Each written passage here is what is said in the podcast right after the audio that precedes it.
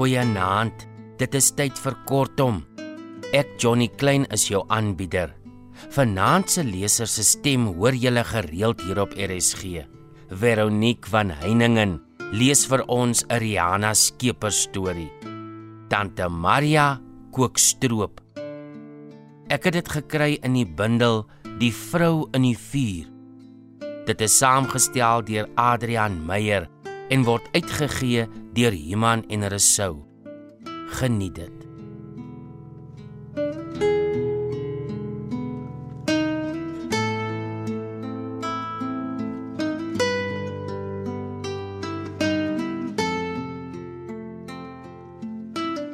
Maria Vilje woon in die Withuisie teen die Braksloot op Stormhoek.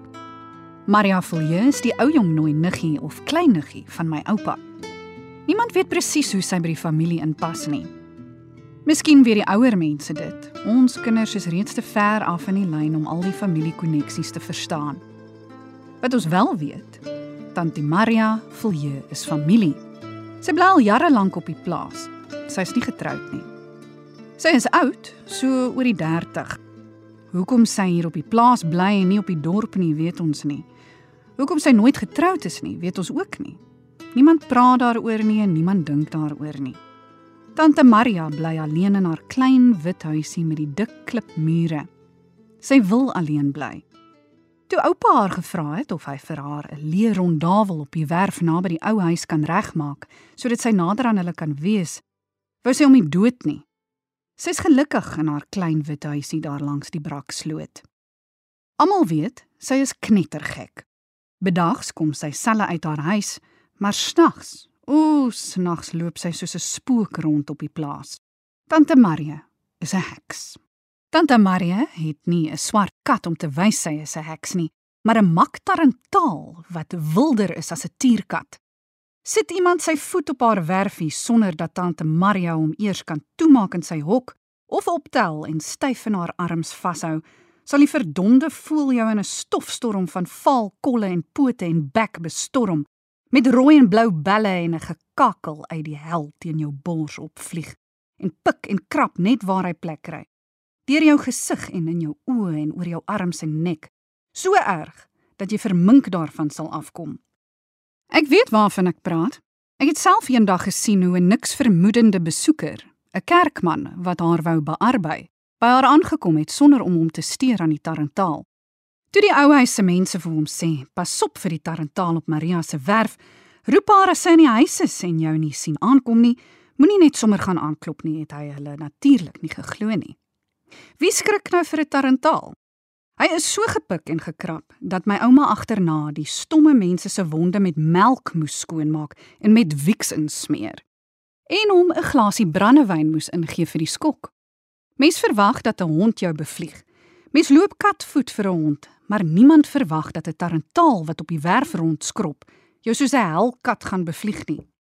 Die kinders, ek en Vanjan en Mytjie en Sannetjie en Johnnetjie en die spul kleintjies op die streep agter ons aan, ons bly uit tante Maria se pad. Ons kom nie op haar werf nie. En terselfdertyd kan ons nie wegbly van die braksloot nie.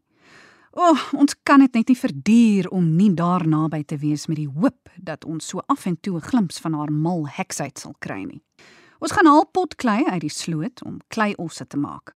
Ons pluk nastergal en brame. Ons soek al in haar omgewing na vuurklippe wat ons teen mekaar kan kap. Ons slente rond in die buurte van die braksloot net om te kyk of ons iets van haar te sien kan kry. Van 'n veilige afstand vanuit die hoogte van die kliprand kyk ons af na haar en die tarantaal. Nader as kyk, waag ons dit nie. Tante Marie doen nog iets wat ander mense nie doen nie. Sy kook stroop. Soms en niemand weet vooraf wanneer dit gaan gebeur nie, dan was sy haar groot swart pot deeglik uit, steek 'n houtvuur buite in haar kookskerm aan en kook haar goue stroop stadig. Stadig oor 'n smeulende koolvuur. Sy doen die kokery snags In die vroeë oggendure as die son opkom oor die rand en haar werf rooi is van die lig voor sonop, dan is dit klaar. Dan gooi sy die stroop uit in glasbotteltjies en hou dit op teen die lig. Soos heuning glinster dit. Mense wat die goue stroop te ete kry, gaan in 'n beswyming daaroor. Hulle drup dit oor pannekoeke, skep gulsige lepels vol oorsnye boerbrood met skaapvet, smeer dit dik oor plaatkoek en botterbroodjies. O, oh, dit is heerlik. Dit is die lekkerste stroop op die aarde. Lekkerder as die wilde hunning wat oupa soms uit die klipbank hoog teen die berg uithaal. Die buurt se vroue vis. Hulle skimp om die resep te kry. Vra vir ouma of sy die resep het. Wat sy nie het nie, of bedel dit platant van tante Maria self. Maar Maria, hoe kry jy jou stroop so heerlik en helder? Gee tog vir ons die resep, vrou. Moet tog nie so synig wees nie. Maar nee, Maria het nie die resep om weg te gee nie. Vir die vroue wat so uitvra, sê sy net: Dit is die gewone resep, die een in mevrou van Tulleken se resepteboek. Suiker en water en kremetart. Maar dit is nie waar nie, want mevrou van Tulleken se resep is nie naasten by so geurig so heuninggeel, so verruklik en vol verlange nie. Tante Maria se goue stroop is lekkerte en lemoenbloeisels. Dit is musiek en maanlig. Tante Maria se stroop is toergoed wat mense vreemd laat optree. As sy saam met my oupa dorp toe ry en by die plaaswinkel afklim met haar eierboks vol goudgeel botteltjies stroop, dan betaal oom Koos kontant haar daar en dan die prys wat sy wil hê en vooruit, want hy weet vir sy siel. Aan die einde van die dag is alles verkoop en het hy sy eie winsie gemaak. Oom Koos vra haar of sy nie meer gereeld van die stroop kan bring nie, maar sy wil dit nie beloof nie. Sy het bestellings vooruit vir haar stroop. Mense wat haar mooi vra of sy dit vir hulle kan kook sodat hulle vir hulle self kan hou en weggee aan familie as geskenke. Maar nee, dit is nie moontlik nie. Tante Maria kook stroop net wanneer sy wil en niemand weet wanneer daardie wil is nie. Natuurlik jok sy. Daar is wel 'n geheim aan haar resep. Dit het ek uit haar eie mond gehoor. Nie die geheim van die stroop nie, net die ding dat daar wel 'n geheim is. Toe ouma 'n dag sê sy stap 'n bietjie oor na die braksloot, "Wil jy saam stap, klein meid?" Toe is ek soos blits by. Saam met ouma is dit veilig daar. Tante Marius sit die tarantaal in 'n draadhokkie as sy sien daar kom iemand van die ou huis oor die randjie na haar toe aan. Sy is die dag nie buite nie, Ons staan 'n end weg en roep na haar totdat sy uitkom en die tarantaal toemaak. Selfs my ouma, wat vir niemand bang is nie en vir niks skrik nie, is versigtig vir daai voel. Ouma en tante Maria sit om haar tafel in die voorhuis en drink stokkies tee. Ek sit op die treetjies van die voordeur en eet 'n sny brood, dik gesmeer met einste, die glansende stroop van tante Maria. Die tarantaal loop heen en weer teen die oogiestraat van sy toegekampte hokkie. Hy's briesend vir my en my ouma. Hy vloek die hele pad wit kolletjies by sy mond en sy stert uit. Skrob wolke stof uit die grond en kloek boosaardig na my kant toe. As hy dit regkry om daar uit te kom, 'n gat onder deur die sifdraad grawe of 'n stikkende plek in die draad kry en deurkom, dan is ek vrek. Ouma en tante Maria praat allerlei dinge. Niks wat interessant is nie. Maar skielik is daar tog iets wat my aandag aftrek van die tarantaal. Voordat ek doodgaan, sal ek vir jou sê wat dit met die stroop is, sus Villa, sê tante Maria.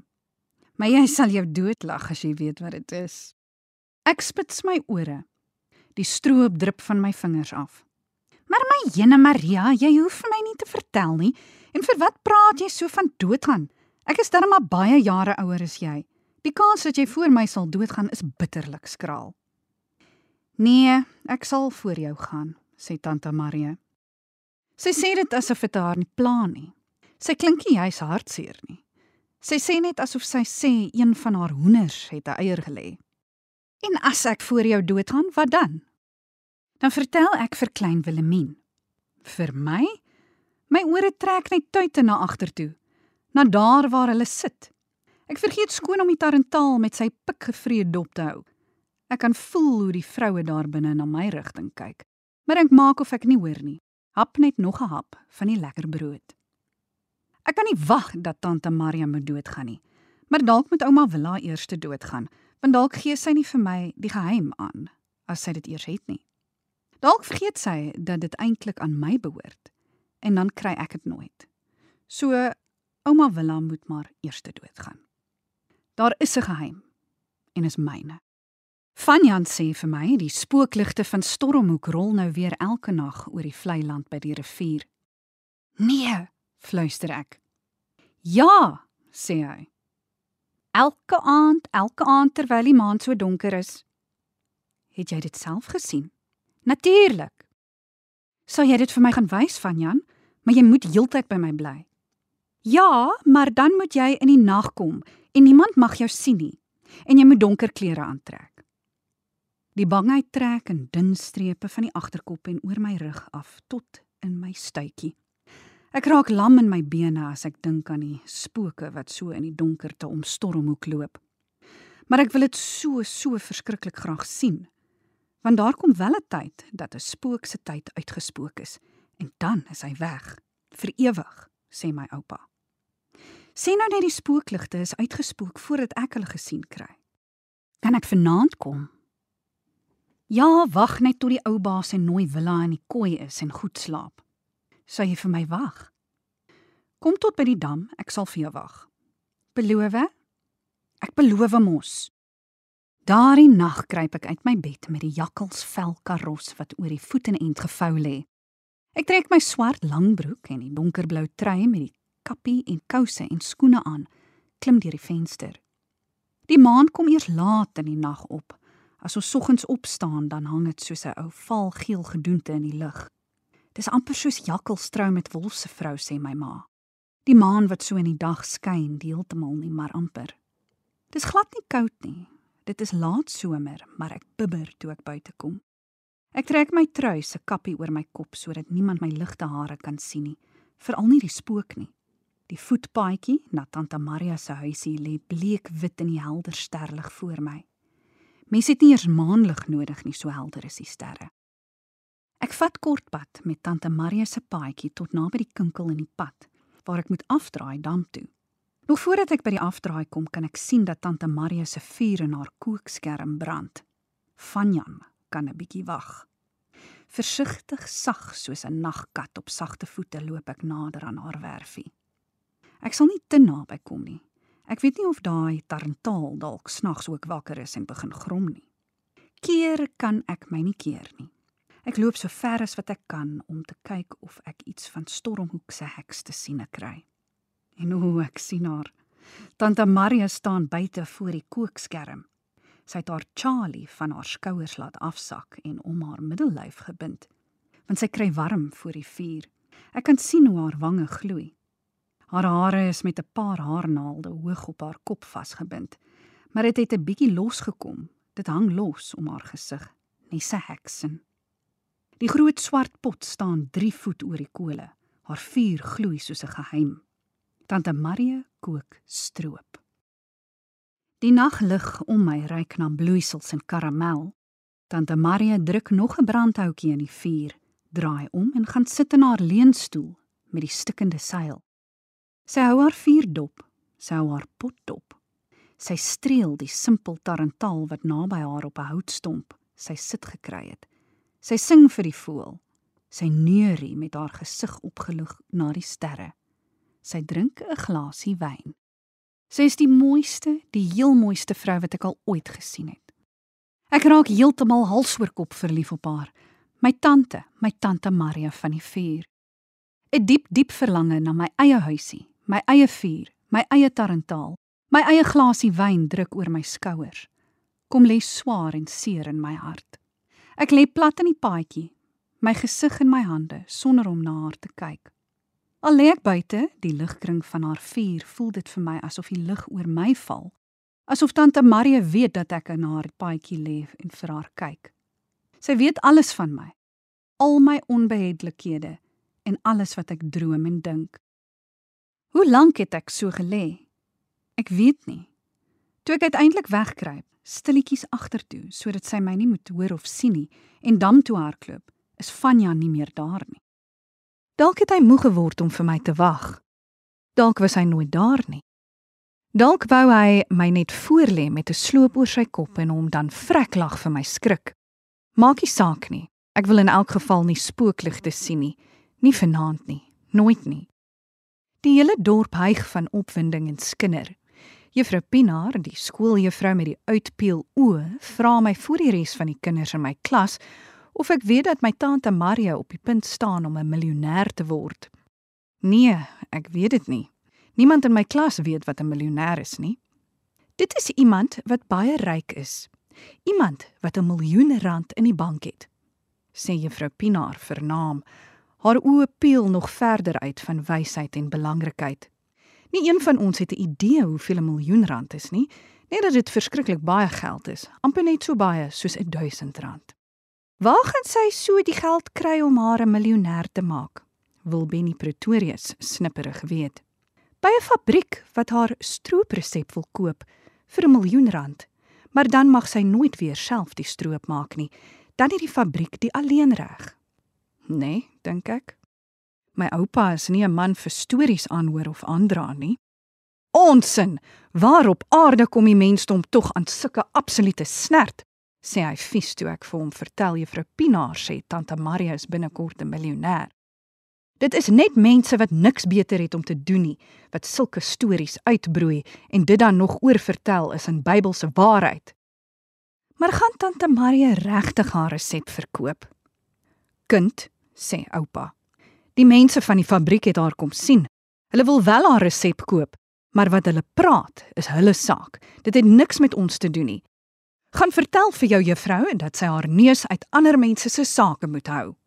Asof ek dit sal doen.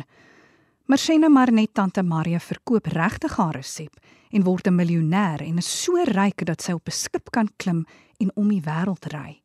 Wat dan van my geheim? En wat van die tarantaal? En wat van my? Na 'n week of wat is daar nie meer kinderstories oor tante Maria se vreeslike baie geld nie. Maar ons wonder almal het sy toe haar resep verkoop en as sy dit verkoop het, hoeveel geld het sy daarvoor gekry? Almal wag om te sien wanneer tante Maria stad toe gaan en terugkom met 'n nuwe rok vol polkadotte en 'n hoed met 'n veer en sykouse en hoë hakskoene. Dit gebeur nie. Daar gebeur niks. Maar tante Maria kook ook nie stroop nie. Die somer word herfs, dit word winter en ons lewens gaan aan soos altyd. Een aand in September, toe die swaalkies terug is en al die vrugtebome wiegend met bloeisel staan, kry ek die geur van karamel op die wind. Ek glip by die venster uit, hardloop met die voetpaadjie tot naby tante Maria se werfie. Ja, haar buitevuur is aangesteek, maar daar is nie 'n pot op die vuur nie. Sy is nie besig om stroop te kook nie. Wanneer kook tante Maria weer stroop? Sy is ook nie buite voor die vuur nie. Sy sit by haar tafel. Ek kan haar deur die oop deur sien. Sy sit by die lig van 'n olielamp en skryf. Charlie oor haar skouers en die lig val oor haar gesig. Haar wange is bleek, haar mond baie rooi. Sy lyk pragtig, soos 'n filmster lyk sy. 'n Vrou wat by 'n tafel sit en 'n liefdesbrief skryf. Die tarantaal sit agter haar op die stoel se leuning, sy kop half onder sy vlerk gedruk. Wat skryf sy? Nie 'n brief nie. Sy skryf in 'n boek, 'n groot boek met swart harde buiteblaaie. Langs haar op die tafel is 'n enamelbeker waaruit sy so af en toe 'n slukkie vat. Stokkies tee. Dit weet ek verseker. Tante Maria drink nooit koffie nie. Skryf sy 'n gedig. Wil sy nie maar opkyk, my sien, my nader roep nie. Kom kom, sit hier by my Willementjie. Ek gooi vir jou 'n bekertjie tee in en dan lees sy vir my wat sy in haar boek geskryf het. En ek slaap by haar in die koperbed met die rooi lappies kombers, die tarantaal op die onderste bedstyl. En sy vertel vir my al die geheime van haar lewe. Hoekom sy hier bly, wat sy alles bedags doen, wat sy dink en wanneer sy op 'n skip gaan klim en om die wêreld reis met haar polkadot rok en 'n veer in haar hoed en 'n lang, lang sigaret tussen haar vingers. Dit alles vertel sy vir my terwyl ek aan die slaap raak. Maar net voordat ek heeltemal slaap, soen sy my op die voorkop en sê vir my hoe lief sy my het. Dat ek die enigste een is wat mag weet wat die geheim is van haar wondersoete stroop. Maar nee, sy kyk nie op nie. sien my nie raak nie. Sy sien nie hoe eensaam ek is nie. Ek loop terug huis toe. Dit is bitterlik koud. Die nag ruik na sterre en wind. Ek word ouer en groter. Ek hol nie meer soos 'n vlakhaas saam met die kinders van die plaas in die veld rond nie. Smiddag na skool swem ek omtrent elke dag van die week. Die swemspan oefen altyd vir die een of ander swemgala. Dit is eintlik nog net van Jan wat my vriend is. Ek is te besig om met die ander kinders ook te speel. Hulle is in elk geval te klein en simpel. Hulle giggel vir alles. Hulle wil al ewig weet wat ek doen en staan dan en kyk hoe ek dit doen. Dit is toe ook soos sy gesê het. Tante Maria gaan dood terwyl ouma Willa nog springlewend en gesond is. Waaraan is sy dood? Niemand wil vir my sê nie. Die dorpsmense sê van 'n gebroke hart van die groot teleurstelling wat sy so lank met haar saamgedra het. Ag ja. My oupa verwerdig hom nie eens om kwaad te word vir die stories nie. Hy loop sommer net weg, kies 'n koers die veld in. Ouma Willa is verskriklik hartseer. Sy sit in die kombuis voor die stoof en vee haar trane af wat net nie kan ophou vloei nie. Wat weet hulle wat ek nie weet nie? Dit voel vir my ook asof ek net wil loop, die plaas in, weg, weg. Ek weet nie wat om te voel nie. Ek weet net ek wil nie by die begrafnis wees nie. Ek kan nie en ek wil nie en ek sal nie. Ek is ook nie. Die groot mense hou uiteindelik op aan my te karring. Toe hulle almal weg is in hulle swart klere en met hulle dik gehuilde oë weg kerk toe, toe loop ek na haar huisie. Dit is nie gesluit nie. Die deur is net toegetrek. Tante Maria het nie baie goed gehad nie. Die huisie is klein met min meubels. Alles is netjies en skoon. Ouma Willa het self gekom en opgeruim. Die bed is opgemaak, al haar koppies en borde is skoon gewas en weggepak, die vuurherd is uitgevee Die vloer blink en al haar boeke netjies in die boekrak. Ook buite is die werfie skoon gevee. Die stapel vuurmaakhout netjies opgestapel in die kookskerm. Ek sleep die leunstoel met die stukkende seil wat onder die afdak staan nader en gaan sit daarin. Ek kyk na die dooie vuurmaakplek voor my, na die reënwatertank en na haar kaal werfie. Op hierdie oomblik begrawe hulle haar, my Maria van die vuurlig. Van agter die huis kom 'n grys bonneltjie aangesleep. Die tarentaal. Hy kom agterdogtig tot naby my. Sy nekhare orent. Ek kyk na hom, maar ek beweeg nie. Hy kom staan langs die stoel, bly bedrempel daar staan. Die arme dink lyk ellendig, al sy vloek en kolle is weg. Ek steek my hand uit na hom, streel hom saggies oor sy kop. Niemand is die aand lus vir eet nie. Ons gaan almal vroeg bed toe.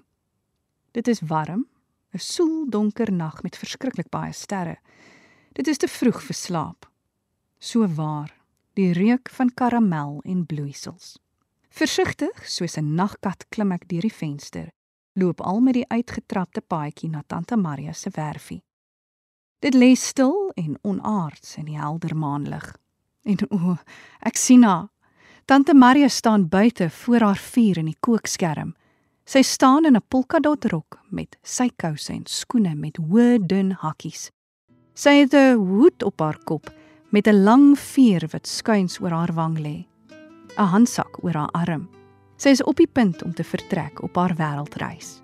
Dit kan mos nie wees nie. Maar nee, ek droom nie.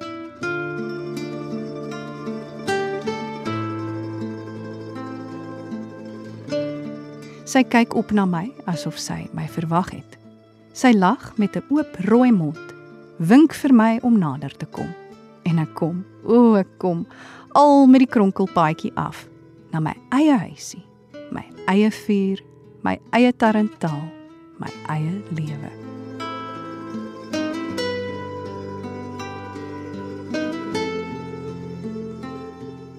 Dit was Veronique van Heiningen en sy het Rihanna Skeepers se storie Tante Maria Kookstroop gelees. Dankie Vero en dankie vir jou by die huis vir die saamluister. Ek groet tot 'n volgende keer. Pas jou op.